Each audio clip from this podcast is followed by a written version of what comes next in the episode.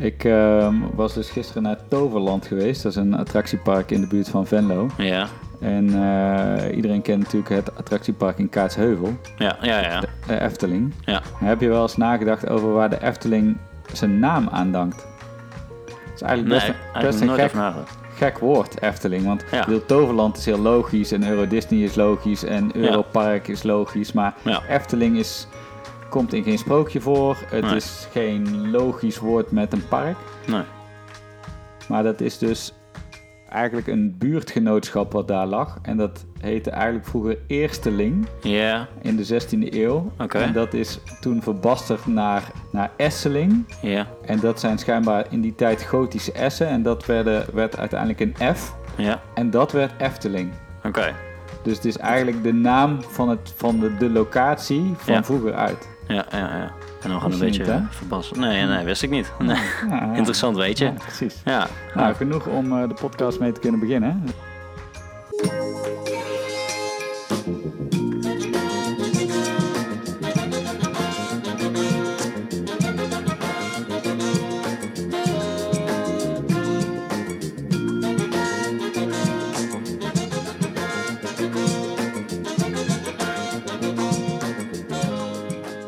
Zo, daar zijn we weer. Aflevering 11 alweer. En ik zit hier tegenover Dennis, een stem die jullie nog niet hebben gehoord.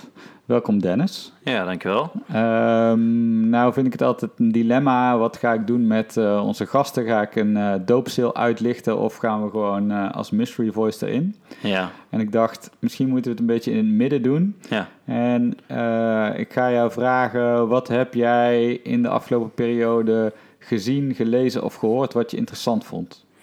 Eh, ik was van de week op de, in de trein op de weg eh, naar huis... was ik een, eh, een podcast aan het luisteren van eh Freakonomics. En Dat was een iets oudere aflevering over, over meetings. Nou, ik heb het van de week al tegen een paar vrienden verteld en ook collega's. En het lijkt er alsof het een beetje een obsessie van mij is geworden van de afgelopen week. Maar het ging in ieder geval over dat, dat mensen gewoon heel veel meeten de afgelopen tijd. Eh, of In, afgelopen in jaar. zakelijke context hebben we het Zakelijke context, ja. En, eh, dit was dan een onderzoek in Amerika en eh, het blijkt dat er 50 miljoen meetings per dag zijn. Hartstikke veel. Maar dat heel veel van die meetings, ehm, ja, dat mensen daarin zitten die daar eigenlijk helemaal niks mee te maken hebben. Dus die zitten daar een beetje nutteloos. Ehm, en toen uiteindelijk was het ook van, oké, die meetings duren veel te lang. Kan dat niet veel efficiënter ingedeeld worden? En dat is dan blijkbaar de, de wet van Parkinson. En dan bedoel ik niet de hersenziekte, maar dat is een eh, professor. Eh, die heeft gezegd van, nou, de hoeveelheid werk en informatie die je wilt eh, gedaan krijgen of wilt verwerken in een meeting... ehm, dat past zich aan als jij er bijvoorbeeld een uur voor uittrekt... dan gaat die meeting ook een uur duren. Ja, Dus als je zou zeggen van, nee, maar dat moet gewoon maar een half uur duren... ja, dan voer je het stressniveau wel een klein beetje op. ja. Ehm, maar het blijkt dus ook dat mensen, hè, dat is uit onderzoek gebleken, dat mensen onder stress gewoon iets beter presteren. Ja. Dus dan zul je zien dat je het gewoon gedaan krijgt in een half uur. ja. Eh, weliswaar met iets meer stress, maar Ja. ja, de, het, is wel efficiënter. ja En daar ben ik zelf ook wel voor. Want ik denk ook wel inderdaad dat je eh 9 van de 10 keer als je een meeting plant, dan plan je gewoon een uur. Ja. Omdat dat gewoon op een of andere manier de standaard is. Nou, dat was dus ook. ehm, waarom is. Hè, want dat, dat kwam dus Ja. ook uit het onderzoek naar voren. Wat is, de, wat is het, eh, het, het gemiddelde? Nou, dat is dus een uur inderdaad. En waarom is dat zo? Nou, dat komt eigenlijk door applicaties zoals Google Calendar of wat dan ook. Want er staat altijd gewoon van standaard staat er een uurtje al Ja. vast. En, en mensen hebben zo vaak zoiets van, nou, dat ga ik niet aanpassen. Een uurtje is prima. Ja. En een half uur kan ook nog wel, maar dat doe je ook minder. Maar je kunt dus ook, misschien moet je dus inderdaad wel in blokken van 20 minuten werken. Of Ja. blokken van 10 minuten. Ja, En dan gewoon dat, eh, ja, dan heb je twee blokjes nodig van twee keer 20 minuten. ja, ja.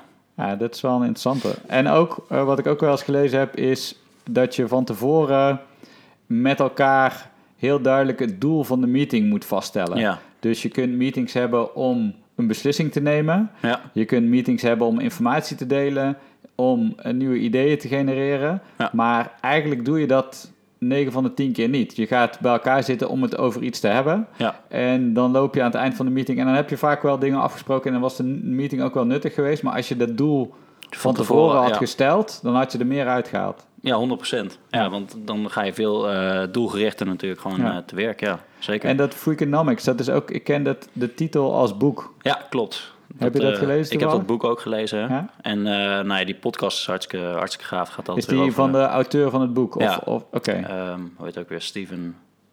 nog iets. Steven Freakonomics. Steven Freakonomics, yes. Oké. Nou, heb ik toch wel het gevoel dat ik je alweer iets beter heb leren kennen. Ja, Nou, dat was het doel van deze vraag. Dus Nou. dat is eh, mooi. nice. Ehm, wij kennen elkaar niet heel goed, maar één ding Nee. wat ik wel van jou weet, is dat jij houdt van klimmen. Ja, klopt. En dat vond ik toch wel eh, een eh, intrigerend feitje. Ja, Ehm metaphorical is klimmen natuurlijk sowieso al interessant. Maar wat, vertel me even iets meer over klimmen. Ehm nou, klimmen en dan hebben we het echt over eh, rotsklimmen, wandklimmen. Ja? Ehm, dat doe ik nu, wat is het, eh, net iets meer dan een jaar. Echt gewoon eh, eh, fulltime, dus drie, vier keer in de week. En, en klimmen is eigenlijk gewoon dat je gezekerd eh, een muur op gaat. En je kunt het ook ongezekerd doen, dan noem je het bolderen. En dan is het een muur van maximaal 5, 6 meter met dikke matten eronder. Ja. En eigenlijk is het gewoon een, een, een fysieke uitdaging die je steeds uitgaat. Waarbij je ook nog een, eh, nou ja, echt een, een, een probleem probeert op te lossen. Waarbij je ja, echt even flink over na, na moet denken voordat je eraan begint. Ja. Want je moet precies zien van oké, hoe ga ik deze beweging doen? Hoe ga ik die beweging doen? En het doel is dan uiteindelijk om vanuit een startgreep met beide handen eh, op de eindgreep te komen. Ook weer met beide handen. Ehm, ja, het is hartstikke leuk. Het, eh, Maar en als je het dan hebt over eh, drie, vier keer in de week, dan ga je dus niet drie, vier keer in de week naar gekke locaties, maar dat doe je eh, in de in buurt, de, zeg maar. Ja, in een klimhal. Dus ik, ik woon in Nijmegen en Ja. we hebben een klim- en boulderhal. Ja. Ehm, en uiteindelijk is het natuurlijk allemaal hè, voorbereiding om vervolgens een keer naar buiten te gaan. Nou, dat heb ik dit jaar ook al een keer gedaan in Frankrijk, een keertje in Duitsland. Ehm, en het, nou, ja, het grote plan is om eh, uiteindelijk eh, naar de Alpen te gaan en daar echt gewoon flinke berg te gaan klimmen. Oké, Ja. vet. En heb je dan in een klimhal, eh, die, die, hoe noem je dat, parcours, verandert dat dan iedere week? Ja, ja, ja die, die, die routes die ze inderdaad zetten, die worden in de boldal echt gewoon om de week ververst. Hè? Dus van verschillende niveaus heb je dan ook. Ja. Ehm, en in de, in de klimhal iets minder frequent, omdat dat nou ja, de hele lange routes zijn om te zetten. Dus dat doe je niet zomaar. Mhm. Maar eh, ja, er zit wel altijd eh, weer variatie in. En krijg je dan ook training of is het dan gewoon, dit is de hal en eh, je hebt een bepaalde basis en je gaat dan aan de gang? Ja, je kunt ervoor kiezen om eh, te beginnen met een training. Heb ik zelf nooit gedaan, omdat ik eh, heel erg ben van het zelf uitvogelen. Ehm, ik kijk gewoon veel filmpjes op YouTube, kijk naar eh, competities en dan lees ik daar weer, of leer ik daar weer iets van. En dan pas ik dat zelf toe. Maar je zou ook heel goed gewoon inderdaad ja, kunnen beginnen met een training. en dat zo gewoon, wat is het, één keer in de week of, of zo herhalen. Ja. En is dat eh, eh, atypisch om gewoon zelf te beginnen of doen de meeste mensen dat? Eh, de meeste mensen doen dat wel, ja. Ja? Ja, ja, ik denk echt dat, dat vooral jeugd, echt jongeren, jongeren, die zullen nog wel met een, met een training beginnen. Mhm. Maar ja, je moet het zo voorstellen, het is een beetje als, eh als skateboarden sowieso, de, de hele leefstijl daar. Hè? De, het is echt een lifestyle sport. En mensen komen er gewoon weer aan, eh, nemen wat vrienden mee. Eh, die nemen volgens mij weer vrienden mee. Maar die, die komen gewoon die hal en die zien de, die muur, die zien een paar van die grepen erop. En die denken van, nou, ik, eh, ik klim zelf wel kom Ja, een keer omhoog. En dan leer je gewoon gaandeweg gewoon, eh, Ja. ja, hoe je kunt klimmen. Hey, en eh, een lifestyle à la skateboarden zeg je, wat, wat is, eh, hoe typeert de klim lifestyle zich? Of wat voor mensen doen dit nou? Dus de klimweer, of hoe, hoe ziet de klimwereld eruit? ja, de klimsport is echt aan het, eh, ehm, ja, aan het veranderen. Je ziet gewoon echt sinds 2015 ehm, dat het aantal boulderhallen eh, in Nederland vooral eh, echt flink aan het groeien is. Ehm, eerst waren het heel erg traditionele mensen. Dus ehm, een beetje meer de geitenwolle sokkentypes, denk ik. Eh, mensen die echt gewoon in een busje leven, van, van gebied naar gebied rijden. Ehm, en ja, laatst zie je eigenlijk gewoon dat echt vooral bolderen een beetje de, de fitnesscultuur aan het vervangen is. Hipster boys. Ja, nou ja, ja, nou ja in, in Amsterdam en, Ja. en eh, in Utrecht en in Rotterdam is het echt gewoon, eh zitten heel veel hipsters alleen maar gewoon in die, eh, in die voel jij, voel jij je wel toe aangetrokken. Nou, ik weet niet zozeer of ik, of ik een hipsterboy ben, maar... Wat luisteraars niet tegenover mij zien, is dat ik hier tegenover een lange gespierde man zit met blonde lokken. ja, Die vroeger tot ver over zijn schouders hingen. En nu net boven zijn schouders ophangen. Ja. Ehm, ja, misschien moet ik jou gewoon een original hipster noemen. Want de hipsters zijn natuurlijk uiteindelijk één pot nat. ja, Eh, maar ik kan jou niet eh, beschouwen als de prototype man met een knotje en een baard. Nee. Ehm, slightly alternative, maar ook weer. Ja, nee, precies. Sowieso eh, alternatief. Ehm, maar ja, ik vind dat eh, apart om dat over, over mezelf te, te Mm, moeten zeggen. Maar nee, het, klopt wel. Kijk, nou ja, het is eh, sowieso een sport die wat, eh, wat meer alternatieve mensen aantrekt, denk ik wel. Ja. En eh matcht dat dan zeg maar even de nieuwe, de nieuw, de nieuwe climbing generation met de old school? Of, of is dat niet zo'n zwart-wit verschil? Ehm, nee, het, matcht eigenlijk heel goed, ja. Je ziet vooral ehm, dat, nou ja, sowieso die, die traditionele groep heel erg ervoor open staat. Ehm, dus die, dan, komen er weer, weer nieuwe binnen die gewoon niet kunnen klimmen. En dan krijg je, eh, ja, mensen zijn super sociaal. Ze geven gewoon tips on the go. Eh, betrek je er echt bij. Dus dat is wel, eh, Ja. dat is wel leuk, ja. En wat, wat vind jij de grootste uitdaging van klimmen? Ehm, ik denk niet eens zozeer het, het fysieke aspect, maar meer het mentale aspect. Dus dat je op een gegeven moment ehm, nee, je- jezelf echt moet pushen, maar dat je ook, ook ja, soms in best wel levensbedreigende eh, posities hangt. Uiteraard zit je, dan, zit je dan wel vast, maar Het voelt wel zo. het voelt soms wel even dat je denkt van oké, als, ik hier, als ik hier nu val, dan eh, Ja, kan ik wel een goede smaak maken. ja. En, en dan is het dus, dus meer gewoon hoe blijf je mentally sane, dat je rustig blijft nadenken en eh, de, oh, de volgende move gaat maken. Precies, ja. Ja. En, en daarbij komt dan soms ook kijken dat je, dat je ook wel echt gewoon aan, aan bijvoorbeeld twee vingers hangt. Ja. Terwijl je eh, andere hand even los gaat om door te gaan naar een volgende greep. Nou ja, dat is Ja. fysieke eh, gepaard met het eh, mentale vind ik wel Ja, gaaf. En zijn hier ook, ehm, eh, is dit klimgebeuren, heeft dat ook een, een boekgenre? En ik omschrijf dit nou een beetje abstract, maar Mhm. ik vind dus eh, meer het traditionele bergbeklimmen. Ik heb het zelf nooit gedaan, maar ik vind dat dus een heel lekker boekgenre. Dus ik heb heel veel boeken over beklimmingen van de Ja. K2 of de Everest of eh, dat soort dingen. Ja, Ehm, maar dit is natuurlijk een heel andere tak van sport. ja. Ehm, nee, weet ik eigenlijk. Ik durf ik Ja. eigenlijk niet te zeggen. Nee. Of echt, eh, nee. Oké. Nou, it could be something eh, in the future. Ja, precies. En ehm, eh, is dit iets waar je veel spullen voor moet kopen? Of kun je hier eh, gewoon mee aan de gang? Voor het bolder hoef je in principe alleen schoenen te kopen. En dan is het Mhm. ook wel handig om een, eh, om een chalkpack te hebben. Dus waar je magnesium in doet. Eh, dat is gewoon voor meer frictie aan je handen. Hè? Als je echt gaat klimmen, dan is het wel handig om ook een, een, gordel, een goede gordel te kopen. waar je touw doorheen doet uiteindelijk. En wat carabiners. Hmm. Ja.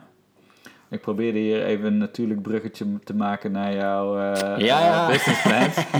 maar Uit- jij bent daar te bescheiden voor om eh, de- deze kans aan te grijpen. Maar nou heb ik vernomen bij de koffiezetapparaat Ja. dat het niet alleen maar hobby is, maar dat jij hier ook gewoon een keiharde euro's in ziet. ja, dat sowieso. Want je bent, wat wat is de plan? Ja, het is eigenlijk inderdaad... eh, ja, mooi dat ik hem even mis. het is inderdaad gewoon eh, van, een, van een passie... ehm, nou ja, je werk proberen te maken. Eh, dus vorig jaar toen was ik met een, met een, met een vriend van mij, Jasper Tielbeke... ehm, ja, gingen we bolderen en we keken rond en we zagen mensen in een Ajax-shirtje voorbij komen. En we zagen iemand in een, in een heel lelijk uh, fluoriserend hardloop-t-shirt voorbij komen in de, in de. En we hadden echt zoiets van, dat, dat wat je bij skaten hebt, dat mensen eh, DC dragen of eh, Polar of wat dan ook. Ja. Dat heb je bij het klimmen Dat is niet bij heel skaten erg. een, een heel belangrijk onderdeel, Ja. zeg maar. Hè? Als je Ja. zegt, nou, klimmen is ook best een lifestyle. Bij skaten is dat ook Ja. wat zich eh, doorvoert naar bij het op het skateboard zelf staan, maar ook juist met de kleding en de rugzakken en de schoenen en alles wat erbij hoort. Precies, en je hebt, hè, ik wil niet zeggen dat je helemaal geen klim, eh, klimmerken hebt, want die heb je wel, maar dat zijn meer traditionele merken. Mhm. En ehm, als we dan zeggen van ja, maar dat is niet waar, Dennis, want er is ook een Patagonia, maar Patagonia is dan een outdoor merk. Ja. En wij, gaan, eh, wij zijn echt een specifiek klimmerk Klimmerk, ja. dat hip is. Ja. Dus dat heet eh, Squid. Eh, noem het Squid Climbing als je wil. En wij ehm, nou ja, zijn nu bezig met het ontwikkelen van een aantal t-shirts. waarvoor we zelf ook het ontwerp hebben ge- gemaakt. Mhm. Een patchje met een wat kortere klep, zodat wanneer jij klimt, je eh, de klep niet tegen de muren aanstoot. Ehm, en eh, ook wel heel gaaf een, eh, een bieropener. Want eh, lifestyle sport, mensen drinken graag een biertje na het, eh, na het klimmen. Mhm. Ehm, nou, die bieropener is eigenlijk gewoon een klimgreep. Met daar een, eh, een, eh, een, een metalen plaatje om het biertje te openen. En die zet je gewoon op het biertje. En door middel van eh, een ja, vingerkracht toepassen op het, eh, op het eh, eh, greepje. En dan een trekkende beweging eh, kun je het biertje openen. Oké. Klinkt een beetje Nee, wazig ik, om kan zo... me eh, wel, ik kan me wel iets bij voorstellen dat dit, dat dit ik, tenminste, ik weet niet hoe die eruit ziet, maar ik snap wel wat je ermee wil, eh, dat het past bij die doelgroep. precies. Want, want wat, wat beschouw je als de doelgroep? Ehm, dus de doelgroep die wij echt ehm, eh, in, ja, voor ogen hebben, dat is de, de New Wave Climbers, zo hebben wij hem even gelabeld. Eh, en dat zijn dus de mensen, ehm, nou, zoals ik, eh, ik zelf, die dus ja, de, de gym hebben verlaten voor een, eh, voor een klimabonnement. Mhm. En, maar dat zijn dus ook zeg maar eh, mensen in hun eh, late twenties. Ja, ja, ja, dus zeg echt gewoon een beetje, ehm, ja, twintigers, dertigers. Eh, ik vraag dat Ehm. zo specifiek omdat eh, de skate subcultuur is natuurlijk een stuk jonger. Ja, En die merken die richten zich natuurlijk ook wel op een stuk jongere doelgroep. ja, Ehm, met misschien ook wel als voordeel dat op die leeftijd ook identiteit misschien nog wel belangrijker is dan wanneer je achter in de 20 bent. Ik wil niet zeggen dat het niet belangrijk is, maar Ja. als jij tussen de 15 en de 19 bent, ja, dan zit je echt in een identiteitsvormende periode. ja. Dus Eh, maar je, uit. je, ja, ik denk daar zit niet de kern van de klimmers. Die, die, is, Nee. die, die is niet zo jong. Nee, nee, dat is zeker waar. Maar alsnog is het wel dat wij met Squid wel echt een, een, ja, een heel kleurrijk merk hebben. En toch wel een bepaalde ehm, ja, stijl proberen eh, uit te stralen. En, en hoe ga je dit dan, want uiteindelijk heb je dadelijk een aantal producten. Mhm. Hoe ga je dit, ehm, ja, zeg maar echt een brand feel geven? Hoe ga je dit hip proberen te maken? Ja, dus wat wij eh, sowieso afgelopen jaar al hebben gedaan, is eh, echt het, het merk gewoon aan iedereen laten zien. We hebben een ja, rondje gedaan langs heel veel bolderhallen in Nederland al. Om echt eh, te zeggen van, joh jongens, we zijn bezig met Squid. Eh, het grappige was, de allereerste meeting die we toen hadden, dachten we al een beetje een sales pitch te doen. Maar we hadden alles gewoon nog op onze, op onze laptop staan. Nog geen prototypes of, of, of samples bij. Dus dat was hartstikke lastig om iets te verkopen op, eh, op een plaatje op je laptop. Ehm, toen op een gegeven moment zeiden van, weet je wat, we moeten deze meetings gewoon zo aangaan dat we ehm, eh, laten zien wat we aan het doen zijn. Kijken of de animo over is. Nou, dat, dat was er. Hè. Dat, ze zeiden allemaal van, we vinden dit gaaf. We willen heel graag zien waar jullie mee gaan komen. Eh, en daar zijn we nu dus volop mee bezig. Begin december willen we de samples klaar hebben. En in december en januari gaan we weer bij al die bolderhallen langs. En dan willen we eigenlijk een beetje ehm, vanuit de bolderhallen Squid gaan pushen naar de, ehm, ja, naar de doelgroep. Mhm. En eh, hoe groot gaat dit worden? Eh, Squid gaat heel groot worden. Ik, eh, ik denk binnen, binnen vijf jaar ehm, wel gewoon een van de grootste klimmerken. World domination.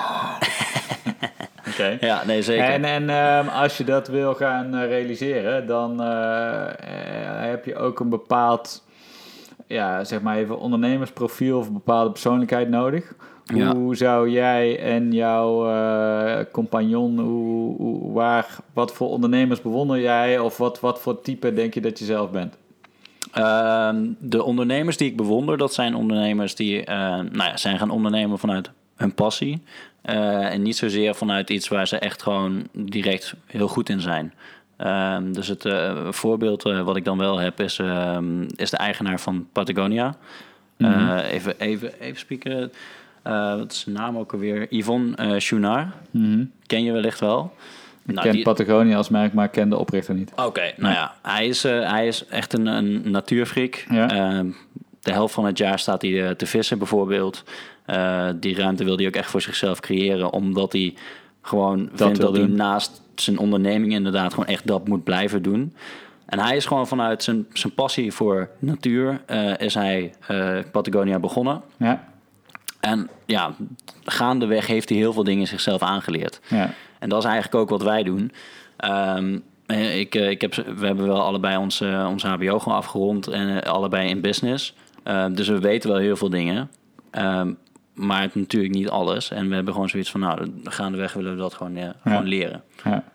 ja, ik las een interessant artikel van Ben Tigelaar... die in het NRC schrijft over ondernemen en productiviteit en dat soort dingen.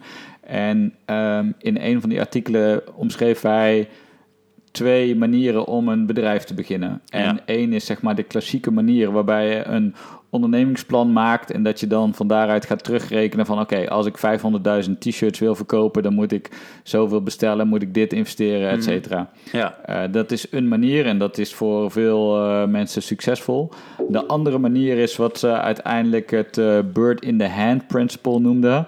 Ehm, kwam, hij citeerde een onderzoeker die ik nou even niet paraat heb, maar die eh, is eigenlijk gaan kijken naar een hoop succesvolle ondernemers en die hebben eigenlijk gekeken van hoe zijn die ooit begonnen. ja, En dan zie je eigenlijk dat die v- veelal niet met zo'n klassiek plan zijn begonnen.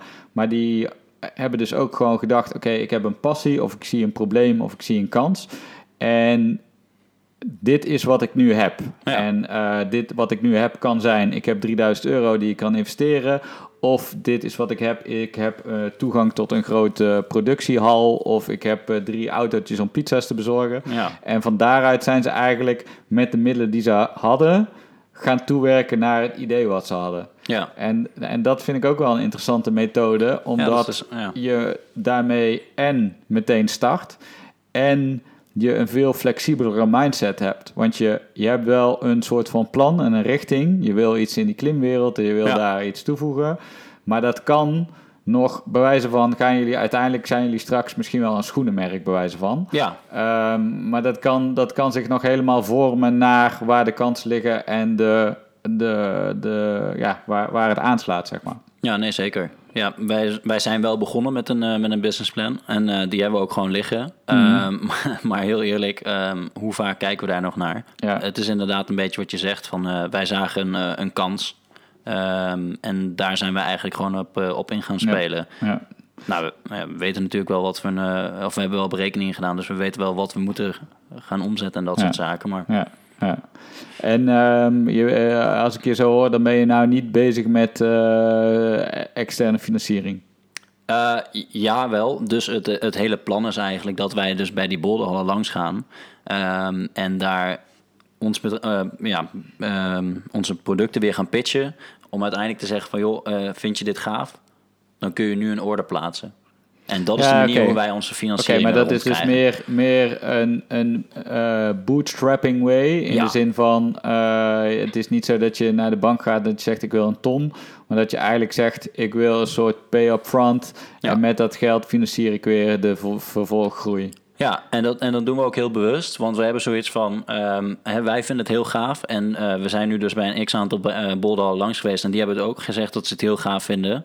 Maar één ding zeggen is, eh, of een ding zeggen dat is het één. En een ding doen dat is het ander. Dus eerst kijken of ze dan ook echt Ja, ja, het is willing lastig, zijn om lastig daar... om op basis van dit rondje te zeggen we klappen er een ton tegenaan. En, Precies, eh, dus ja. wij hebben zoiets van, nou, dat geeft ons eh, dadelijk ook gewoon genoeg validatie als zij, ehm, Ja. als zij echt willen investeren in ons. Ja. Ik, ik vind dus in dit, deze context die Peter Levels een hele interessante gast. Een. Nederlandse ondernemer. Ik spreek hem altijd uit als Peter Levels, maar het is gewoon een Nederlander. Die eigenlijk ook, eh, volgens mij noemt hij zichzelf een indie entrepreneur. En indie slaat dan vooral op het independent. Dus niet Ja.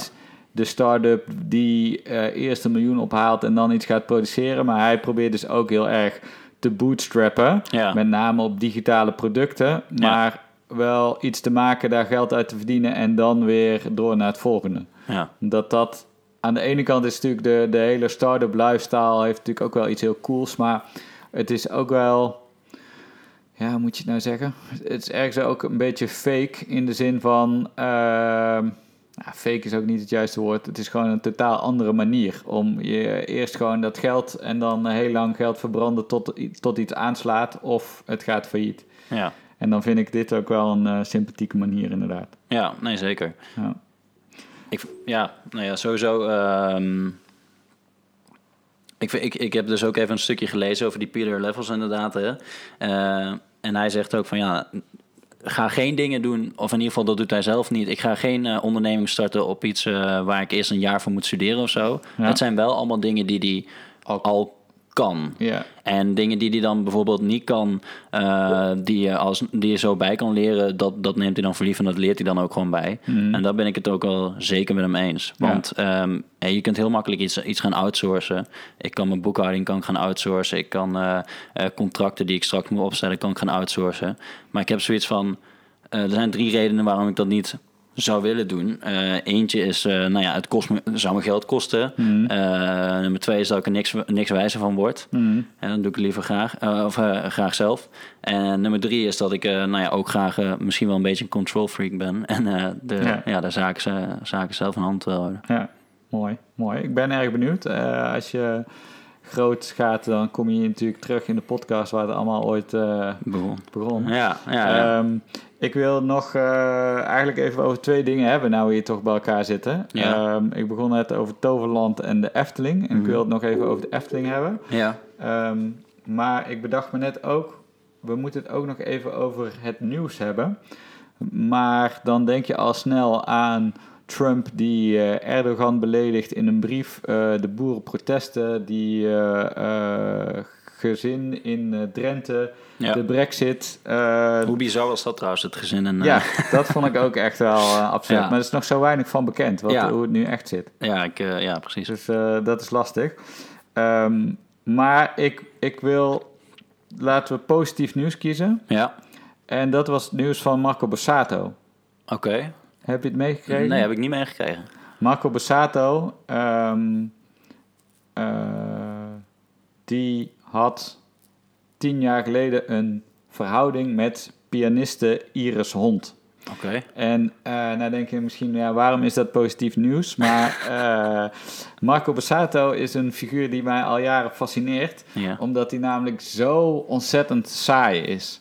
Dit is zo'n ontzettende eh, ideale schoonzoon die nooit vloekt, die altijd iedereen met respect bejegent. En ik dacht tien jaar geleden al, ik gun die man toch zo erg dat hij gewoon ergens kooksnuivend tussen de hoeren wordt gevonden en dat het allemaal gewoon één grote act blijkt. Ja. Maar in al die jaren is hij altijd die ideale schoonzoon gebleven. En toen het nieuws vandaag dus naar buiten kwam dat hij die affaire heeft gehad, toen dacht ik, yes Marco, het zit toch in je om gewoon- dit even te doen. Ja. Nou heeft hij het wel weer zo gespind dat hij nog steeds gelukkig is met zijn Leontien, Le- Leontien en allemaal dat soort dingen. Dus dat vind ik dan weer jammer. Ja. Dus ik, ik had liever de, de kooksnuiven met hoeren variant gehad. Maar ik ben toch al blij dat hij gewoon even is ontsnapt aan het ideale beeld.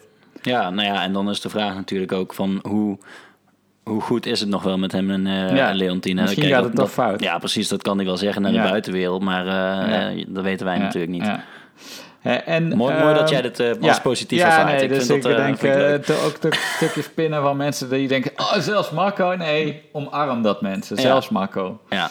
Ehm, dus dat. Ehm, en de Efteling dus. We begonnen er al in de intro over. Ja. Heb jij er wel eens over nagedacht? van wie is de Efteling? Nee, Eigenlijk, als je, als je rondkijkt, dan is het, ik vind het een heel gek idee om te beseffen dat eigenlijk alles van iemand is. Dus wij Ja. zitten hier in een kantoorpand, wij kijken uit het raam. Die panden die daar staan, natuurlijk via allerlei BV's en constructies, maar ergens komen, komt dat weer samen dat, omdat iemand eh, een aandeel heeft in een bepaalde beleggingsmaatschappij, heeft die misschien 5% van dat gebouw. Ja. Of eh, het is altijd, eigendom is altijd terug te voeren. Ja, Ehm, maar van wie is de Efteling?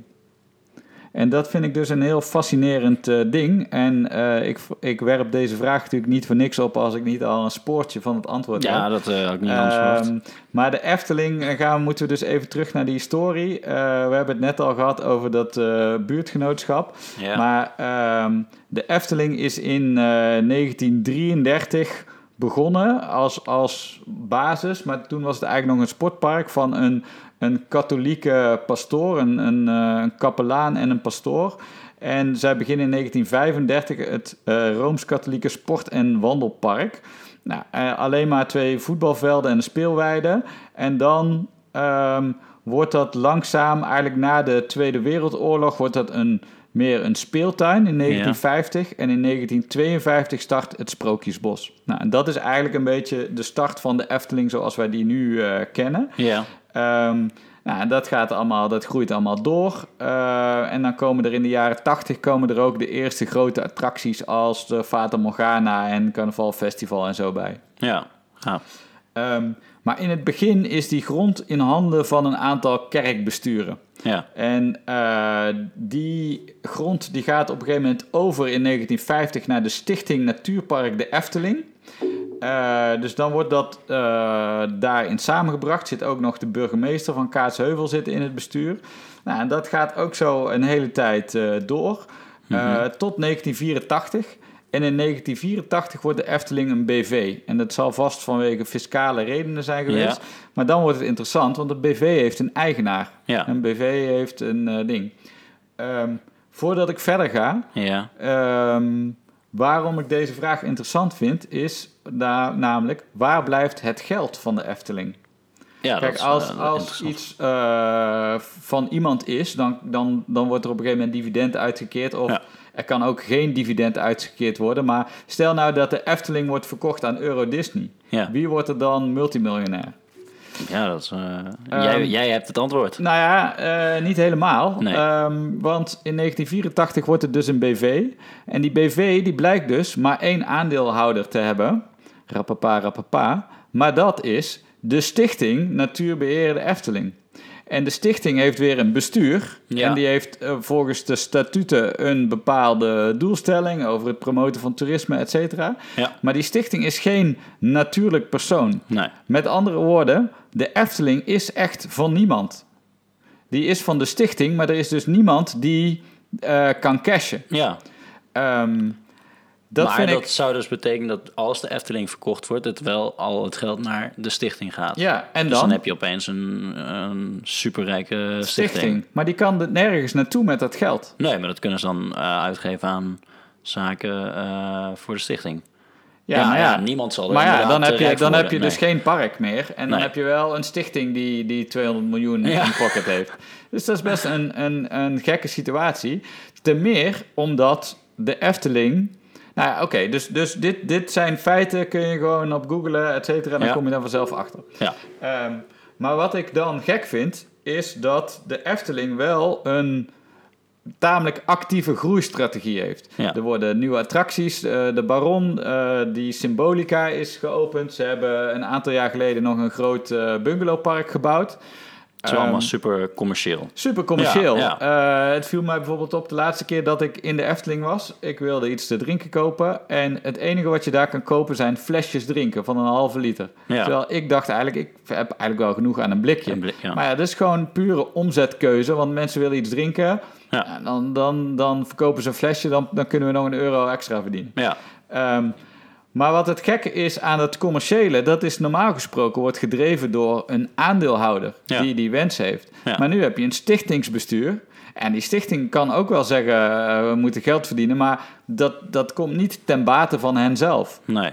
Dus eh, het fascineert mij enorm. Waarom voert de Efteling zo'n agressieve eh, commerciële koers?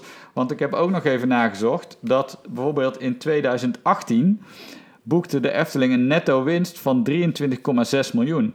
2017 23 miljoen, 2016 14 miljoen. Ja. 2000, nou, in ieder geval millions in the bank. Ja, Eh, dat hele park, eh bungalowpark, is gefinancierd uit eigen vermogen. ja. Dus er is geen eh, noodzaak om zo agressief te groeien. ja.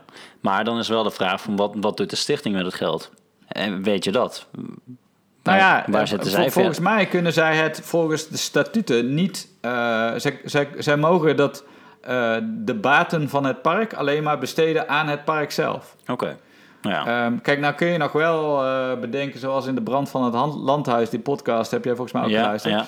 Daar heb je op een gegeven moment nog schimmige constructies dat ze dan, weet ik veel wat. eh, dus jouw vrouw heeft een, een bedrijf in interieuradvies dat je die een opdracht gunt van 8 ton, bewijzen van. Hè? Ja. En dan, dan krijg je nog dat soort dingen. Ehm, nou, dat zou misschien hier ook aan de hand kunnen zijn, maar daar heb ik geen enkel eh, aanleiding toe om zoiets te geloven. ja. Maar ehm, ik heb hier al met meerdere mensen over gepraat en eh, ge- gegoogeld, maar ik kom er niet achter. Ja, het is wel een heel interessant punt. Dus, dus ik wil eigenlijk ook deze podcast eh, afsluiten met de vraag: wie helpt mij verder met dit mysterie? Want hier, ja, er zullen ongetwijfeld redenen voor zijn. Hè? Wat ze eigenlijk aangeven is: ja, we moeten blijven vernieuwen, want eh, anders lopen de bezoekersaantallen terug. Ja. Maar ja. Who cares, weet je wel? Je kunt ook gewoon zeggen, wij willen het meest kwalitatieve park zijn... en wij zijn oké met die 2 miljoen bezoekers die we per jaar eh, hebben. Ja, Of ik weet niet hoeveel ze er precies hebben, maar even met het aantal waarop we nu zitten. Waar- waarom is groei een doel op zich? ja misschien willen ze het, eh, het uiteindelijk eh, een nieuwe Euro Disney worden. Maar dan ook. Maar ja, ook dat. Ze blijven je, geld wat, pompen, wat, ja. wat is, waar, waarom?